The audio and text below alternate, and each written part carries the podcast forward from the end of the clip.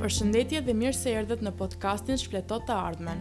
Sot jemi në rubrikën e intervistave.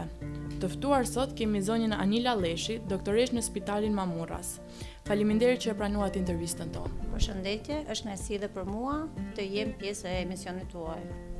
Faleminderit. Atëherë le të fillojmë me intervistën. Pandemia e dy viteve të fundit ju ka bërë gjithnjë më të nevojshme për komunitetin tonë. Të gjithë ne, në familjet tona, kemi dëgjuar për emrin tuaj. Si ju ka bërë të ndiheni kjo? Atëherë, kjo pjesë më ka bërë të ndjehem e vlerësuar, por njëkohësisht më ka bërë të të jem edhe më koshiente për vetë faktin që t'ju shërbej më shumë komunitetit tim. Më ka dhënë një motivim. Juve si mjeke, a ju ka frikësuar kjo situatë? Atëherë, për momentin jemi të qetë me lidhje me situatën. Në fillim ka qenë pak si frikë për arsye sepse nuk e dinim me çfarë po përballemi. Ishte pikërisht marsi 2020 kur u bë mbyllja e vendit dhe nuk e di se çfarë na priste. A konstatoni ndryshim në mendësinë për t'u kujdesur për veten në komunitet? kemi kemi ndryshuar disi për arsye sepse në fillim ishte ajo frika për t'u mbrojt me maska, me veshjet, Ndërsa sot ndoshta dhe imuniteti natyral edhe vaksina na ka bërë të ndihemi pak më të qetë edhe përballë pacientëve me Covid. A jeni ndjerë ndonjëherë gjatë punës suaj në vështirësi, aq sa keni menduar pse zgjodhët këtë profesion? Uh, si çdo punë mendoj ka vështirësitë e veta, por uh, jam ndjerë përsëri mirë, nuk e e du si profesion. A ndani me ne ndjesinë kur morët çmimin mirënjohje? Uh, Atëherë, nga Qarku Lezhë na u dha çmimi mirënjohje, u ndjeva e vlerësuar, por edhe një motivim ishte më shumë për mu për të punuar sa më shumë për komunitetin ku unë punoj dhe për të qenë sa më afër me ta. Sa i bukur, por njëkohësisht sa i vështirë është profesioni juaj? Do të thoja është siç është pyetja, aq i bukur por aq i vështirë. Por pavarësisht vështirësia është si të thush një vështirësi po themi në thonjëza e bukur, se më bën të ndihem mirë kur pacienti bëhet mirë. A ka bërë pandemia që ju të kaloni më pak kohë me familjen dhe më shumë kohë me pacientët? Uh, kjo ka qenë pak problem për mu, përderisa un kam edhe dy vajza që është njëra njëmbëdhjetë dhe tjetra shtatë vjeçe, dhe momentin që unë vija në shpi, rrija me telefon gjithë kohës me pacientët, se ishte kjo pjesa që do ndiqje pacient, një pacient ta ndjekësh me Covid, nuk do thotë i dhe mjekimin edhe aty mbaroi, do ta ndjekësh vazhdimisht, në mënyrë jo po me oksigjenin, me terapinë, si po shkon, edhe telefoni ka qenë pak problem. Po tash që kam pas dhe mbështetjen e fa, kam pas mbështetjen e familjes gjithë kohës. Po ta shihni në shkallë globale, si do ta përshkruani krizën e koronavirusit? Ëh, uh, ishte një krizë për të gjithë uh, mbarë botën, si krizë në uh, në sistemin shëndetësor, në aspektin psikosocial, por po menaxhohet. Tani nuk mund ta themi më si një krizë.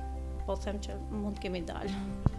Organizata Botërore e Shëndetësisë thotë se koronavirusi mund të rigjallërohet në vjeshtë. Si e shihni në vazhdim ecurinë e kësaj situate? Ëm, edhe nga studimet e fundit që jemi në kontakt, mendohet se si pjesa e imunitetit natyral që ka fituar popullsia, si vaksinimi që ka ndikuar, nuk është më ajo ai rreziku. Do kalojë si një virozë, si gjithë virozat e tjera. Kështu mendoj. A ka arsye për optimizëm në këtë situatë ku ndodhemi dhe ku qëndron kjo arsye? Pavarësisht se tani jemi më optimista dhe sigurisht është optimizmi qëndron si në vaksinimin që është me shumë lloje vaksinash, Ashtu dhe me trajtimin që ne tani kemi një trajtim pothuaj protokoll, se në fillim fare nuk është se njihej mirë trajtimi si do ta trajtojmë një pacient me Covid, ndërsa tani është më e qartë. Atëherë, le ta lëmë pak pas Covidin dhe të njihemi pak më tepër me ju dhe anën private tuajen. A do jua sugjeronit vajzave tuaja profesionin që ju ushtroni? Ëh, vajzat e mia duhet që të marrin profesion atë që Ato e ndjejnë veten dhe jo të jo t'jua motivoj, por nëse do më kërkonin një mendim, pse jo. Cili është motivi juaj dhe kurajoja që ju i jepni vetes çdo mëngjes? Uh, motivi në punën që jam, në momentin që unë vi për punë është pacienti, shërbimi ndaj pacientit dhe Keni ndonjë Keni ndonjë rast me pacientët tuaj që ju ka prekur jo vetëm si mjeke? Këto raste nuk është vetëm një, janë shumë raste, por duke rujt sekretin e smundjes, e fshehtësisë, e lëmë me aq. Profesioni që ushtroni sot ka qenë një zgjedhje e juaja apo si për shumë të tjerë asaj kohe zgjidhnin prindërit?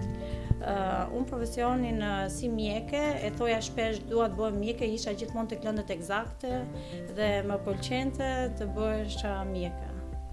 Njerëzit kanë ëndrra në sirtar që akoma nuk i kanë realizuar, ose ndoshta rasti nuk i ka rënë kurrë. Keni dhe ju ndonjë ëndërr që ju ka mbetur peng që nga koha kur ishit adoleshente? Në kohën kur isha adoleshente do kujtoja një moment kur unë mendoja të studioja për um, për um, mjekësinë në Bologna të Italisë, në Institutin Rizzoli, por uh, vetëm kam shku të bëj vizita tani për qejf. Dhe së fundmi, çfarë mesazhi keni për të dhënë si mjeke në lidhje me situatën që ndodhemi? Në situatën që ndodhemi jemi në një situatë jo problematike në lidhje me me sëmundshmërinë e Covid, por mund të themi që jemi optimista për arsye se kemi në dorë vaksinën. Edhe ju them që vaksinohuni. Atëherë le të rikthehemi edhe një herë momentit kur ju morët mirënjohjen e Qarkut Lezhë. Na shpjegoni pak më tepër. Uh, po, uh, në fakt u ndjeva e vlerësuar, për arsye se Qarku Lezhë po vlerësonte shëndetësinë. Dhe në këtë rast më dha një mirënjohje. Por atë mirënjohje do thoja nuk ishte vetëm për mua, ishte për gjithë stafin mjekësor, për arsye sepse ne ne të gjithë kemi qenë në ballë të luftës, siç ishin kolegët e mi mjekë, po ashtu dhe infermierët. Për arsye sepse ne një pacient nëse e kemi ndjek një pacient me Covid në kushte shtëpie, Kemi qënë gjithmonë në lidhja, ka qënë mjek, infermier, pacient, edhe familjar. Por do thoja që edhe për infermierët kanë pasur një punë shumë të vështirë, por për të arritur një terapi sa më të saktë, sepse një terapi covid nuk është e lehtë. Dhe do thoja që është një risi shumë e mirë për Qarkun Lezhë që na u bo një vlerësim i tillë. Dua t'ju bëj një pyetje, doktor Shanila. Ë, uh, si një vajzë edhe si një grua e suksesshme. Do doja të dija çfarë mesazhi do t'ju jepnit vajzave dhe grave të qyteteve të vogla si për shembull qyteti Mamurras, si për të motivuar ato për të ndjekur një rrugë profesionale drejt suksesit, për të parë shkollimin me një sy tjetër, edhe për të qenë më pozitive dhe mos të jenë të demoralizuara, duke menduar që po sot nuk ka më meritokraci dhe një grua dhe një femër nuk mund të bëjë përpara. Do të thoja që jam e mendimit që çdo femër po ashtu duhet të jetë duhet të ketë një vullnet të mirë për të arritur diçka në jetë. Çdo person nëse i vën vetes synimet synimet përkatëse i arrin. Dhe do thoja që vetëm vullneti mjafton për të për të shërbyer edhe edhe punës, edhe jetës familjare, ë t'i bësh të gjitha dhe çdo femër mund t'i bëjë në këtë kohë, me edhe me mbështetjen e familjes që nuk e harroj asnjëherë. Mendoj që arrihet. Dhe pse jo, edhe pse qyteti i Mamurrasit është një qytet i vogël, por është një qytet që ka ka shumë persona që studiojnë, kanë zhvillim dhe mendoj që jemi mirë, ok, barazinë gjinore kemi fituar. Dëshmitare e asaj që thoni jam edhe unë, kështu që ti je një nga modelet për t'u ndjekur. Edhe ishte shumë kënaqësi që pranuat intervistën tonë. Edhe shpresoj dhe ju urojmë shumë suksese, edhe jemi krenarë të gjithë me ju. Faleminderit, kënaqësi ishte edhe për mua që të jepja këtë intervistë për ju. Ju falenderoj. Thank you.